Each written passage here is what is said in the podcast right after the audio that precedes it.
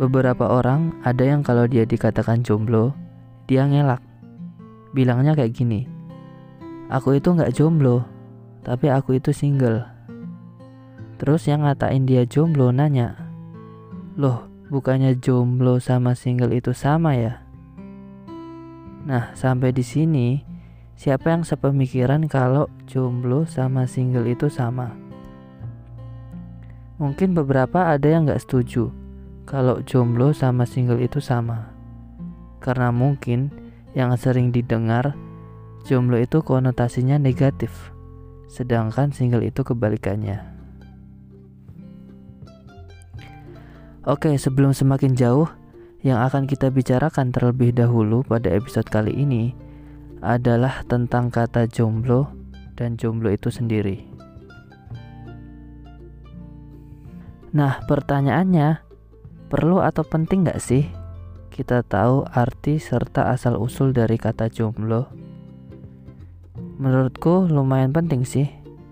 Karena kalau kita tahu arti dan asal usul kata jomblo, kita mungkin akan lebih memahami, lebih mengerti dan juga lebih menerima dari kata tersebut.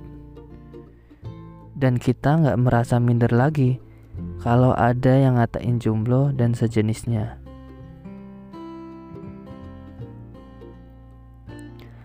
Oke, buat yang belum tahu dan yang ingin tahu, sekilas aja. Menurut beberapa sumber yang aku baca dan kalau nggak salah lo ya, jomblo itu asal katanya dari bahasa Sunda, yaitu jomblo. Nggak ada B-nya. J O M L O.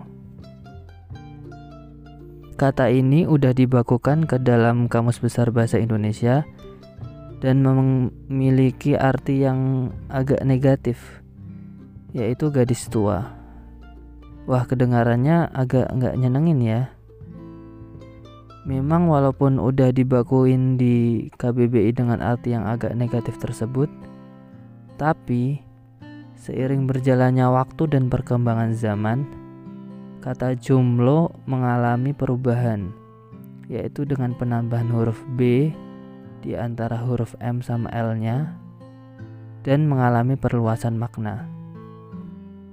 Nah, sekarang makna dari jomblo yang sering digunakan dan mungkin udah pada tahu adalah seseorang mau itu cowok atau cewek, perempuan ataupun laki-laki yang tidak memiliki pasangan mungkin seperti pacar atau istri atau suami atau yang lain dalam hidupnya. Gimana? Mungkin maknanya udah nggak kedengaran negatif kan? Ya walaupun beberapa orang ada yang mempunyai makna dari kata jomblo mereka masing-masing, tapi secara umum maknanya pasti akan mengarah ke makna yang udah disebutin sebelumnya. Karena itu, sekarang kata jomblo juga bisa disamain dengan kata baku Indonesia yang lain. Seperti kalau kalian bisa cari di KBBI itu kayak kata lajang dan juga bujang. Nah, sedangkan kalau single gimana? Ya kalau single artinya sama aja. Cuman beda di bahasanya doang. Kalau jomblo itu bahasa Indonesia yang mungkin sekarang udah masuk ke bahasa gaul ya. Dan kalau single itu bahasa Inggris yang mungkin negara lain yang paham dalam berbahasa bahasa Inggris pasti tahu arti single itu. Kalau kalian nggak percaya, coba aja translatein sendiri kata jomblo jadi bahasa Inggris atau bahasa lain yang kalian paham maknanya. Pasti kalian akan nemu hasil yang sama.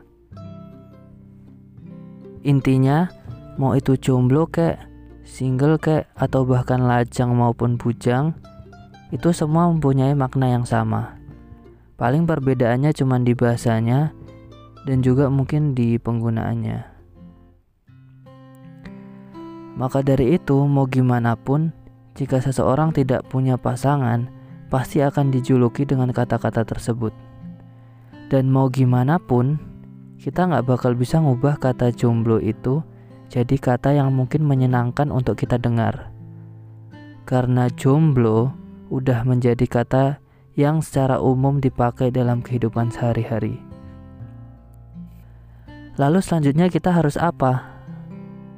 Ya kita harus nerima Nerima kata jomblo Dan bahkan juga status jomblo Bukan secara terpaksa Tapi secara ikhlas dan lapang dada Mungkin agak berat bagi yang masih belum menerima kata jomblo Tapi yang lebih berat lagi adalah setelah kita menerima kata tersebut.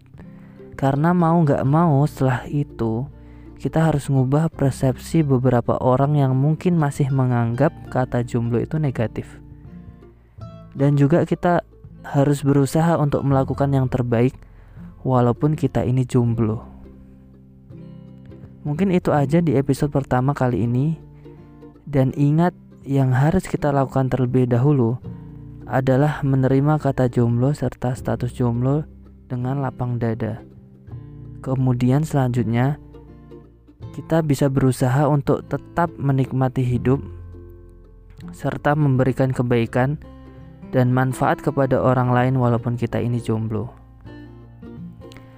Pasti nanti kita akan merasakan hal-hal yang tidak menyenangkan seperti semangat kita turun ataupun down, kemudian kita merasa iri terhadap orang lain, kemudian kita terjebak di situasi yang tidak mengenakan dan lain sebagainya. Tapi jangan khawatir, karena di sini kita akan berbicara, berbagi informasi, cerita dan penyemangat bagi kalian. Terima kasih sudah mendengarkan dan sampai jumpa lagi di Jomblo berbicara.